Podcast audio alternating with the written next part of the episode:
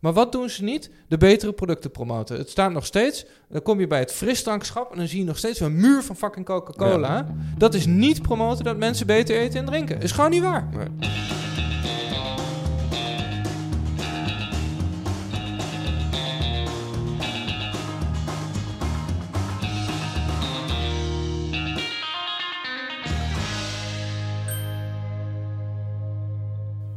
Welkom bij Don't Penguin, de podcast over positioneren. We zijn er weer. Ehm, vandaag staat het in het teken van supermarkten. Jumbo, een van de bekendste supermarkten in Nederland, kondigde eerder dit jaar aan te stoppen met de sponsoring van haar wieler- en schaatsploeg. En vorige week hoorden we ook dat de samenwerking met coureur Max Verstappen en het avontuur in de Formule 1 aan het einde van dit jaar ophoudt. Sponsoring van topsport zit in het DNA van Jumbo, maar ze hebben naar eigen zeggen dat spelletje onderhand wel uitgespeeld. Vandaag kijken wij naar wat dit betekent voor het merk. Want als sponsoring zo'n cruciaal onderdeel is van je positionering, kan het niet anders dan dat het merk een enorme uitdaging te wachten staat. Ik zit natuurlijk vandaag weer met Tal Gone en Ties Morskaten. Goed dat jullie er zijn, mannen. Dankjewel. Voordat we het onderwerp induiken, gaan we eerst even naar de wiki-rubriek. Wat heb je meegebracht? Nou, ik heb ook een heel zoet drankje meegenomen. Oh nee, Yakult. Je kent het. Super yoghurt, toch? Is dat, eh, is dat eigenlijk een soort kefir of, of wat? Nee, ehm, hier zitten acht flesjes in. En elk flesje bevat 20 miljard goede bacteriën. En Yakult is in, eh, een, eh, een, eh, een, eh, een drankje eh, op basis van melk. Ja. En dat drankje komt uit, eh, is uitgevonden in Japan. Het bestaat dus al bijna 100 jaar. Eh, en het is dus Heel nummer, nummer 1 verkochte eh, drankje in heel de wereld buiten Japanse drankje. hè? Nee, tief even op. Dus deze Yakult wordt wereldwijd gedronken. Het is een nummer 1 exportdrankje van Japan. Ja, oké. het Japanse drankje dat het meest gedronken Ja. wordt. Eh, maar het wordt echt overal gedronken. Ehm, nog sterker, we hebben hier in Nederland hebben we zelfs een, een fabriek waar het gemaakt wordt. En dit drankje maakt dus bijvoorbeeld in Japan ook onderdeel uit van het schooldieet. En wat kost zo'n flesje? Het, het is niet goedkoop. Het zijn, het zijn eh, eh, acht flesjes, kosten 4 euro eh, nog wat. Dus het is een, een eh, kostbaar drankje. Het zit Ja, vol met suiker, hè? Heb je dat dus je gezien? betaalt 4 euro voor een halve liter melk, zeg maar. Ehm, Zo bijzonder na de vorige aflevering dat jij nog iets van melk meeneemt. ja. Vind je dit lekker, Tal?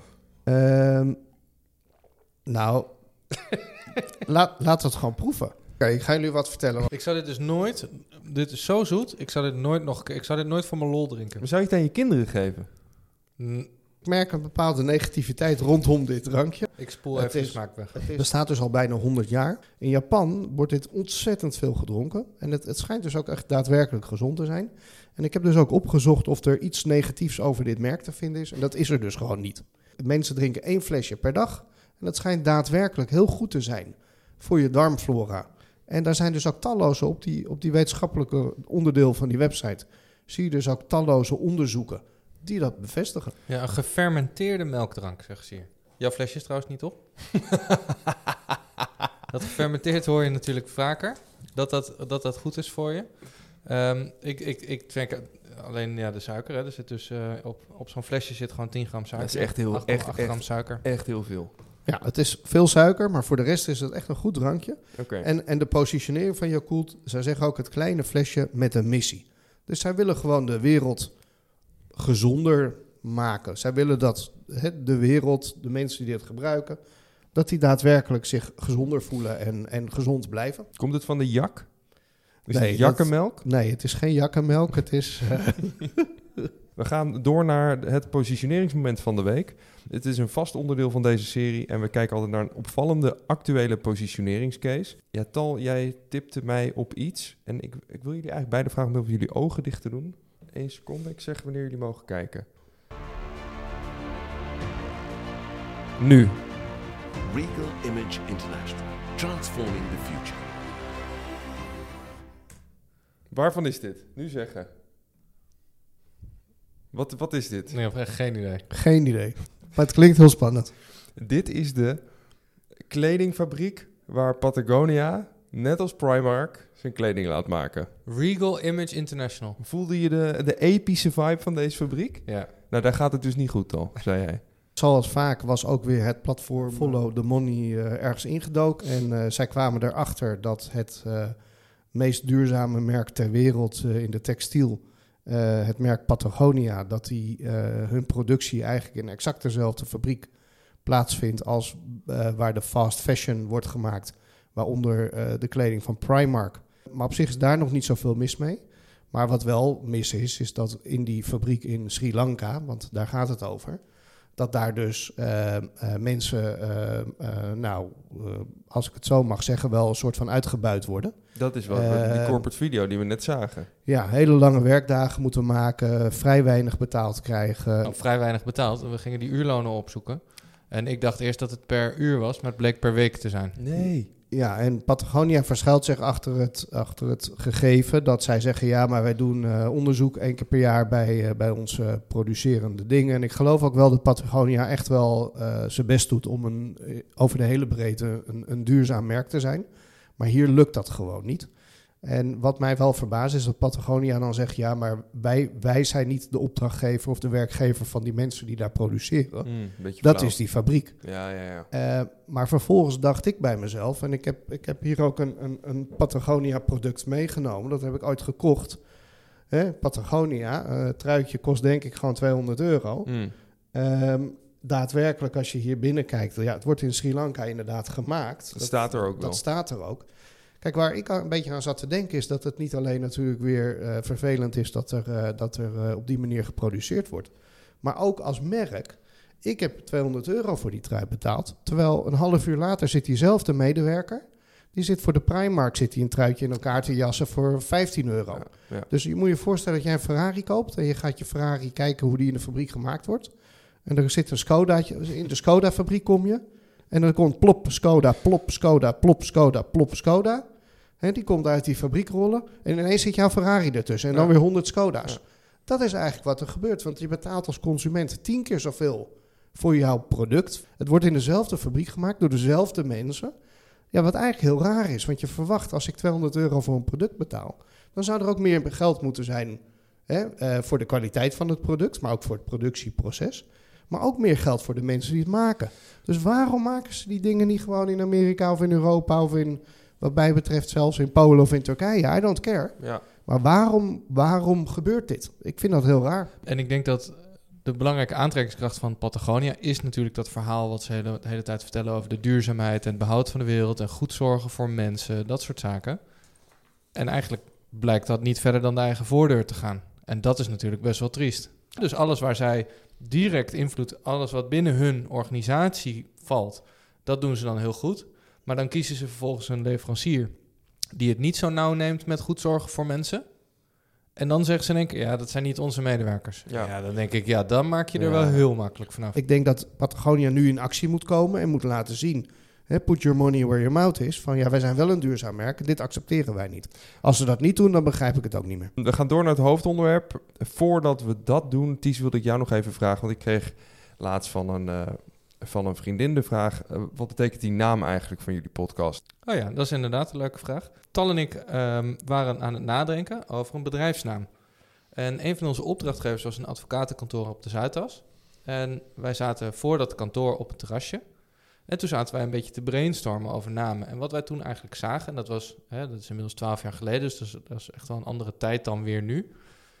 Zagen wij eigenlijk een, een, een, een uniforme groep mensen in een rijtje door zo'n toegangspoortje gaan. Dus dan kwamen de, de dames in een mantelpakje en de heren in een, eh, in een grijs of eh, donkerblauw kostuum met een wit of een lichtblauw overhemd. Die kwamen aanlopen en die gingen allemaal netjes opgelijnd. Gingen zo bliep door het poortje, bliep door het poortje. En toen zeiden wij tegen elkaar, van, ja, het zijn eigenlijk net pinguïns. Ze zien er hetzelfde uit. Ze doen allemaal hetzelfde. Dus het, het, gedrag is helemaal hetzelfde. Ehm, en eigenlijk is de pinguïn dus een heel mooi dier en een heel leuk en een fascinerend dier. Maar als merk, dus als je de parallel met een merk trekt, wil je, je wil geen pinguïn zijn. Want dan val je dus niet op, want, want diezelfde advocaat, ja, ze zijn uitwisselbaar. Ze, hebben allemaal, ze zien er allemaal hetzelfde uit. Ze doen Mm. allemaal gedragen zich ongeveer hetzelfde. Dus Don't Be a Penguin was eigenlijk de eerste bedrijfsnaam die wij bedachten. Ehm, en dat was dus eigenlijk gewoon een, een, een aansporing voor merken. Ja, don't be a penguin. Ja. Dat, dat, je, hoeft niet, Je hoeft niet de wereld te willen veranderen. Je moet gewoon zorgen dat je niet zoals de rest bent. Ja, ja, ja. Wees onderscheidend inderdaad. We gaan door naar het hoofdonderwerp. De toekomstige herpositionering van Jumbo en de reactie van aartsrivaal Albert Heijn. Eh, ik wilde heel eventjes ehm, ingaan, want sponsoring is best wel iets groots eigenlijk binnen, de- binnen het hele marketing. Ik vind dat al zich vind ik iets interessants en wil ik eigenlijk met jullie ook even op ingaan. Dat concept sponsoring, de waarde daarvan. Ehm, laten we even beginnen met een, een, een short van Gary Vaynerchuk die het heeft over sponsoring vanuit het perspectief van de gesponsorde. The number one move I do is map every single backpack company in the game. Reach out to all of them, be like, yo, what's up, guys? And they're gonna say, we love you. And you're like, what about money? No. What about equity? Of course not. If we're not giving you money, we're not giving you equity. Cool, thank you. Next. Jansport, wanna do something? Yeah. You gonna pay us? Sure. How much do you charge? 20,000 a post. Cool. You wanna give us 1% equity in the company? No. Cool. Number three. Backpack, backpack, backpack. What up? Hey, you gonna give us free stuff? Yep. You gonna pay us? Yeah, how much is it? 20,000 a post. Cool. You wanna give us equity? Yep. How much? We'll give you 2% of the company if you sign a three year deal, only wear our shit, da da da. Then you decide. Notice how I'm calling everybody? What you need to do is get it from no to 100% yes, everything in between, and then figure out the right spot. Nou, kijk, dit is het perspectief van degene die gesponsord gaat worden. Ik- dat snap ik. Dat, daar kan je lekker veel geld aan verdienen. Je kan een eh, aandeel in een bedrijf ervan krijgen. Maar even kort voor, voor de luisteraars, want wie is dit? De Gary Vaynerchuk is een marketinggoeroe. Eh, die was eigenlijk bij alle grote trends was hij er meteen bij. Waar mensen vaak ook zeiden van... eh, sukkel, je weet niet waar je het over hebt. Had hij het toch vaak altijd wel goed met marketingtrends en nieuwe social media platforms. Hij zat vroeg op Vine. Hij was helemaal Snapchat-fan. Maar het stukje sponsoring. Wat is de waarde van sponsoring? Dat is mijn vraag. Waar zit dat? Kunnen we dat, kan je dat uitdrukken in, in getallen? Hoe werkt dat in de marketing? Dat is mijn open vraag eigenlijk aan jullie. Nou ja, kijk, de, de basis zit heel erg in dat, in dat hele endorsement. Hè? Dus, dus je sponsort iets of iemand omdat je jouw merk wil associëren met de waarde die die persoon of die instelling uitstraalt. Vroeger, vroeger, in de begintijd van de marketing, ehm, had je eh, eh, eh, onze sigarettencampagnes. We hebben het de vorige keer erover gehad.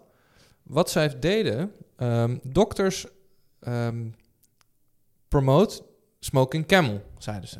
Oh ja, dat mocht toen nog. Dat mocht toen nog. Dus dan zette je, had je een tv-campagne, dan zet je een dokter in een witte jas en dan zei je, joh, op het moment dat jij Camel rookt, dan hoest je minder. Dat is echt super. Dat is fantastisch. Dus koop een pakje Camel. Is dit, is dit waar? Ja, dit is waar. Dit zeiden ze.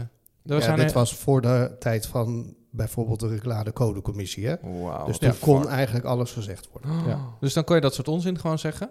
Ehm, maar dat is eigenlijk een beetje dezelfde gedachte. Dus je, je pakt iets of iemand die een bepaalde autoriteit heeft, die een bepaalde aantrekkingskracht heeft, en die laat je, la- die laat je namens jouw merk spreken. En door, daardoor gaan mensen jouw merk meer vertrouwen. Bij sponsoring gaat het ook vaak over de match. Dus of er een, goeie, een goede link is, een goede connectie is tussen de persoon, eh, of de, de, gespo- de gesponsorde, en het sponsorend merk. En dat zorgt voor een hogere merkwaarde. En kan je daar een geldwaarde in, eh, in, in stoppen, in sponsoring? Nou, ik, ik denk zeker. En wat ik heel leuk vond aan, het, eh, aan de short die we net zagen, is dat hij zei van, eh, dat hij het had over equity. Ja. En wat ik heel interessant vond, wat er net recent weer gebeurd is, ik weet niet of jullie dat gevolgd hebben, dat is zeg maar eh, Lionel Messi. Mhm. En eh, versus Cristiano Ronaldo Mhm. eigenlijk. Dus Vertel eens, wat is er gebeurd? nou, Cristiano Ronaldo die heeft besloten dat hij voor eh achterlijk veel eh, geld, ik geloof 600 miljoen of zo, maar kan er 100 of 200 miljoen naast zitten. Heeft hij een contract afgesloten om in een of andere zandbak te gaan spelen Oh, ja. in, eh in Saudi-Arabië of zoiets. Nou, en Messi stond op het punt om hetzelfde te doen. die kon dus waarschijnlijk ook voor misschien nog wel 100 miljoen meer. Want ik denk dat Messi misschien toch nog net een eh, Ja. stapje hoger is dan Ronaldo. Kon hij ook in de zandbak gaan spelen. Alleen Messi heeft ervoor gekozen, en dat vond ik heel interessant, om niet daar te gaan spelen, maar naar Amerika te gaan. En eigenlijk was onderdeel van zijn contract is niet dat hij daar meer geld ging verdienen, maar dat hij dus mede-eigenaar werd van die voetbalclub. En dat hij mede-eigenaar werd, dat, en, en dus ook mede-eigenaar werd, ook in equity. Dus op het moment dat die voetbalclub succesvol werd en veel shirtjes verkocht, kreeg hij daar ook weer een ding van.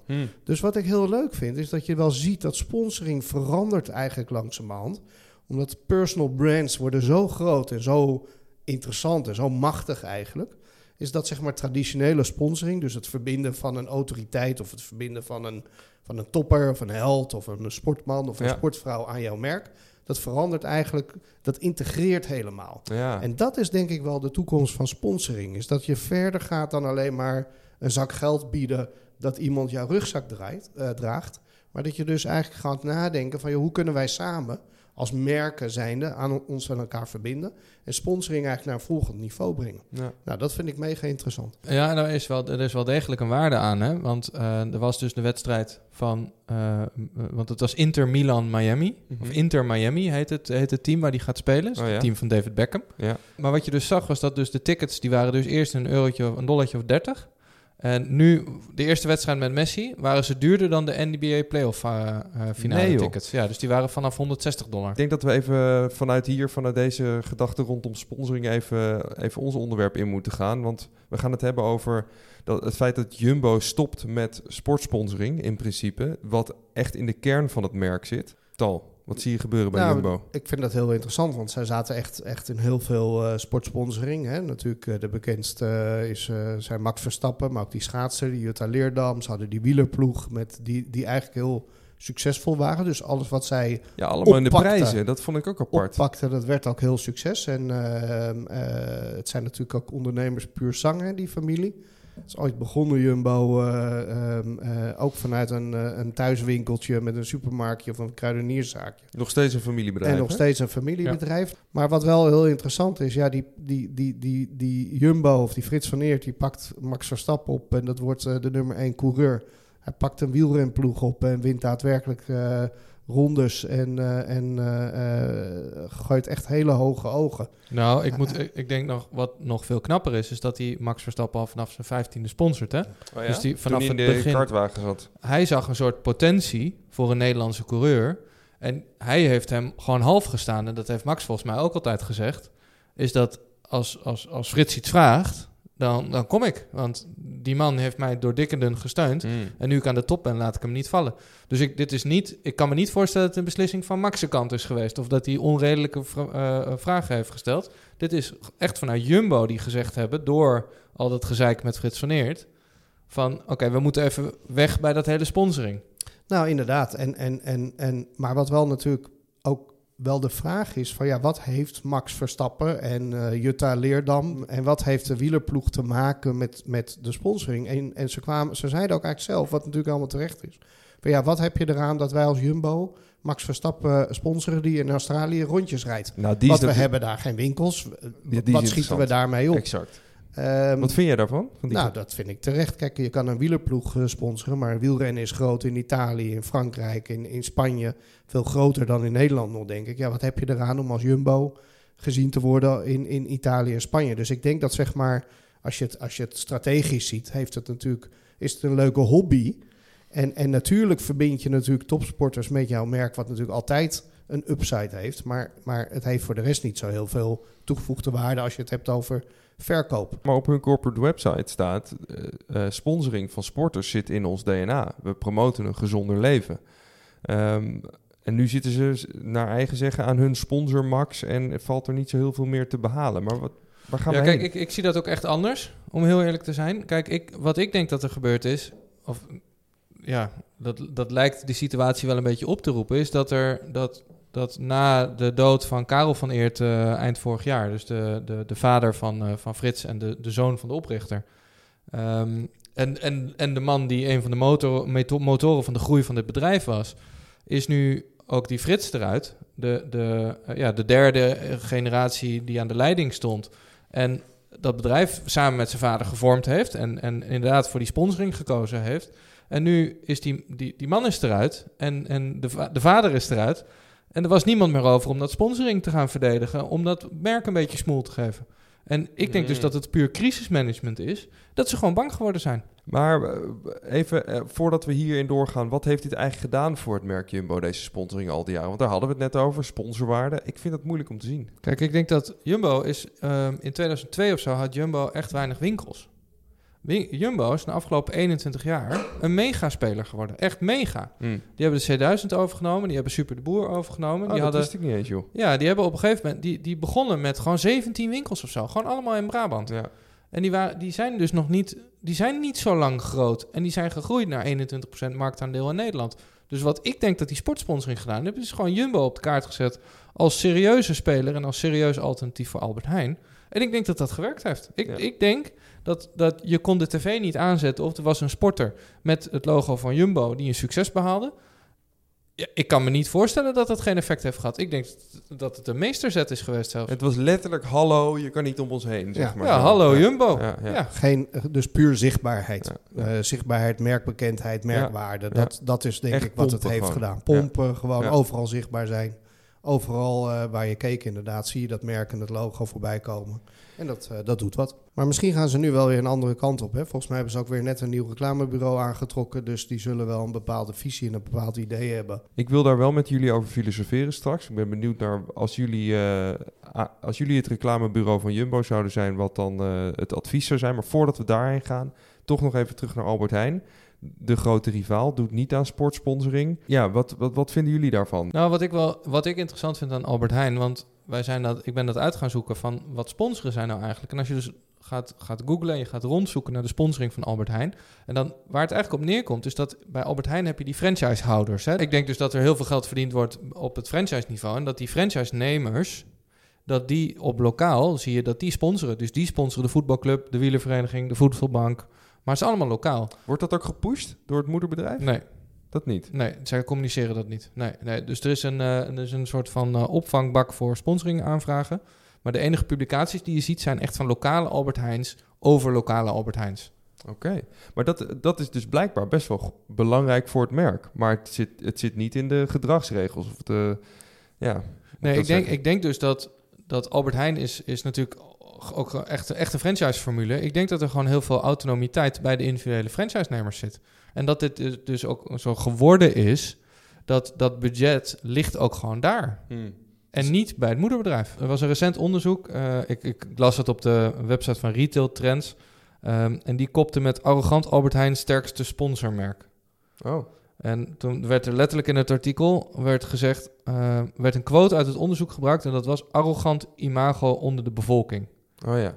Ja, klopt wel, denk ik. Ja, dus dat, dat het Albert Heijn is natuurlijk mega herkenbaar voor iedereen. En daarom noemen ze het het sterkste sponsormerk.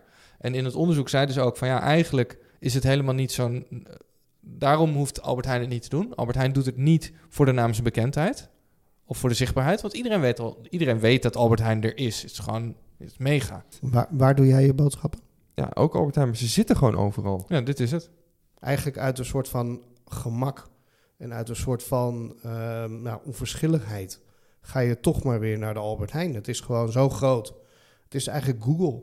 Ja, dus ja. Albert Heijn is bijna Google. Ja, je, je, je kan wel zonder Google willen leven. Maar ik heb wel altijd, als ik er ben geweest, dat ik me, net als dat ik naar de Mac ben geweest, een beetje aangerand voel. Nou, ik, ik, ik, ik, je betaald hebt, ja. ik was... Ja, dat ook. Maar ik was dus gisteren... eh, heb ik dit, eh, dit gekocht, ook bij de Albert Heijn. Samen met nog een paar andere boodschappen. En toen, zag ik, toen liep ik in dat gangpad. En daar zag ik dus allemaal ja, jongens en meiden rondlopen. En die zagen er echt uit alsof ze twaalf waren. En Albert Heijn positioneert zich als de servicegerichte supermarkt. Ja. En toen dacht ik, nou stel dat ik aan deze jongen die in het pad staat... en ik, ik hou wel van bepaald eten maken... dus ik ga aan deze jongen vragen... waar staat de granaatappelmelasse? Oh ja, ja. Hebben Nou, ze niet. Nou, dat weet ik zeker. Hij weet niet wat het is. Nee. Hij weet ook niet waar het staat. Nee. Hij gaat het zeker niet vinden. Nee. Dus wat je ziet is eigenlijk dat die servicegerichtheid van Albert Heijn is, is, is er helemaal niet. Terwijl zij dat wel vinden. Dat servicegerichte zijn ze wel een beetje kwijt. Maar ja, je gaat er naartoe omdat ze gewoon een heel breed en diep assortiment hebben. Ja. Waardoor je een soort van daar maar heen gaat, omdat er geen alternatief is. Ik vind wel, de, de, wat Albert Heijn doet, is wel in supermarktland het meest innovatief. Dus zij gaan nu volledig op die duurzaamheid. Zij willen daar ook echt diep mee gaan. Ze willen ook qua productidentificatie en dat soort Oh, dingen. oh, dat is toch niet duurzaam? Dat is toch Nee, niet maar- innovatief? Nee. We, we hebben drie supermarktketens gehad die het eerder gingen doen. Maar zij zijn ook de uitvinder van de eh, scankassa. Zij zijn wel de uitvinder van eh, de zelfscan. Zij zijn wel de uitvinder of degene die de barcode naar Nederland hebben gebracht. Met alle optimalisatie en efficiëntie. Dus wat je wel ziet is dat Hmm. Albert Heijn wel op dat gebied zeg maar de meest innovatieve Ja. Concept en supermarkt is. Daar staat dat blauw dan zijn. nog wel voor, voor progressie in, de, in het supermarktwezen. Ik denk het wel. En ik denk dat zij zich nu veel meer nog gaan richten op dat hele duurzaamheid. Dat zie je ook in hun campagnes. Dus zij profileren zich als een duurzame supermarkt. Wat we daar ook van mogen vinden, Ties. Even terug naar dat. Jullie zijn het marketingbureau van Jumbo. Eh, ze hebben dit losgelaten. Wat kunnen ze nu doen? Want ze, ze, ze hebben 100% naamsbekendheid in Nederland, net als Albert Heijn. Welke positie gaan ze innemen? Ja, wat ik heel lastig vond, ik, zat er, ik heb natuurlijk in voorbereiding hierop heb ik hierover na zitten denken. Kijk, waar het eigenlijk begint, is dat ik was op zoek naar de winstmarges van beide bedrijven. En als wij het in deze podcast hebben over winstmarges van bedrijven, dan hebben we het vaak over bedrijven die miljarden eh, omzetten en miljarden verdienen. Juist. Nou, dat, dat klinkt allemaal helemaal fantastisch. De Europese winstmarge van Albert Heijn is 2,8% op 17 miljard. Dus dat is, en zij zeggen zelf dat 4% gezond is. Nou, een bedrijf draaien op 2,8% marge, dat is niet zoveel. Nee, dat, daar maakte die CFO zich ook zorgen over, las ik in het eh, FD. Jumbo die heeft een winstmarge van, nou ja, wat ik uit de jaarcijfers kon halen, dacht ik rond de 3,4%. Ehm ja, hoeveel marge zit er om je daadwerkelijk te onderscheiden in die markt? Wat er eigenlijk gebeurt, is dat die mensen, die worden allemaal naar een soort van middelmaat. Al die bedrijven worden naar een soort van middelmaat gedwongen. Dus als we het over positioneren hebben, dan moet je als bedrijf moet er ook wel een soort ruimte zijn om iets onderscheidends te kunnen doen. Ik sprak eh, een maatje van mij die heeft in die, eh, in die supermarktbusiness gezeten. En dan vooral op de vastgoedkant. en hij zei altijd van ja, weet je, het is allemaal leuk en aardig. Hè, dus er zijn eigenlijk twee dingen die ik wil vertellen. Eén is dat het eigenlijk alleen maar een vastgoedvraagstuk is. Hè. Het gaat om locatie, locatie, locatie. Welk winkelcentrum, hoeveel mensen wonen daar omheen, hoeveel vierkante meter hebben we daar, wat is het inkomensniveau, enzovoort, enzovoort, enzovoort. En dan kun je dus op basis van zeg maar, die parameters kun je dus bepalen waar een succesvol een supermarkt eh, neergezet kan worden. Eh, twee, denk ik dat, dat, dat ik ben het helemaal eens met Ties. Het is echt wel heel moeilijk om dit te gaan positioneren. Want het zijn ook bijna nutsfuncties. Hè, dus een supermarkt is een soort van eerste levensbehoefte in een bepaalde wijk. Ik denk dat het derde ding is, ook nog wel wat ik zit te bedenken, is dat het integratie is. Hè? Dus albertheijnbol.com. Dus je krijgt zeg, zeg maar steeds meer die Mm. omnichannel verhaal. Ja, ja. Ja. dat is iets waar Jumbo zich wel heel erg mee bezighoudt. Ik hoop dat Jumbo zegt van wij gaan inderdaad die buurtfunctie, we gaan een bredere functie voor de rol van de supermarkt omarmen. Dat is een soort landpunt voor mensen, ook vanaf het online naar het lokale, want daar hebben we allemaal behoefte aan. Ehm, ik denk dat dat de toekomst is van de supermarkt en dat zou mijn onderscheidende positionering zijn. En dat hele duurzaamheidsgelul, ja, het zal allemaal wel en het is super belangrijk. Maar ik vind het niet interessant om erover te horen. En ik denk niet dat je erop moet positioneren. Nou, de, ja, ja en nee. Ik, zit er wel op een iets andere mening. Maar ik denk dat bijvoorbeeld een Albert Heijn heel veel kan betekenen op het gebied van het tegengaan van voedselverspilling. Maar wacht even, dus veel de- voedselverspilling. Ik heb, even nou, ik heb namelijk door een duurza- duurzaamheidsverslag gelezen. Ze waren heel trots. Ze hadden 1,1 ton minder voedsel verspild. Dat is geen lore dan, toch? Dat is toch geen reet? Nee, maar goed, misschien, eh, misschien is dat de basis voor wat er nog gaat komen. Ja, dat ze Kijk. volgend jaar twee doen. Oeh. Ik denk dat Albert Heijn van nature zeg maar, een meer innovatief merk is. En innovatie en duurzaamheid kun je tegenwoordig niet meer loszien. Maar conclusie is dus dat we waarschijnlijk naar, naar de supermarktmerken toe gaan die eh, meerdere functies vervullen. Want Jumbo heeft nu ook plantenwinkels volgens mij. Dus je krijgt een soort van hybride model van allerlei nutsfuncties in de samenleving. En die gaan supermarktmerken dan vervullen. Nou, Albert Heijn gaat zich dus door- positioneren rondom duurzaamheid. Duurzaamheid en, en eh, biologisch. Dat Oh. wordt de kern van de positionering van Albert Heijn. hè? Gezond eten. Ja. Ja, gezond. ge- ja, dat, dat. Terwijl, dat doen ze helemaal... Dat, eh, sorry, ik kan er echt niet tegen. Ze zeggen, we, we willen zorgen dat beter eten voor iedereen toegankelijker wordt. Dat, dat zeggen ze. Of dat, dat is ruwweg waar zij voor staan. Maar wat doen ze niet? De betere producten promoten. Het staat nog steeds... Dan kom je bij het frisdrankschap... en dan zie je nog steeds een muur van fucking Coca-Cola. Dat is niet promoten dat mensen beter eten en drinken. Is gewoon niet waar.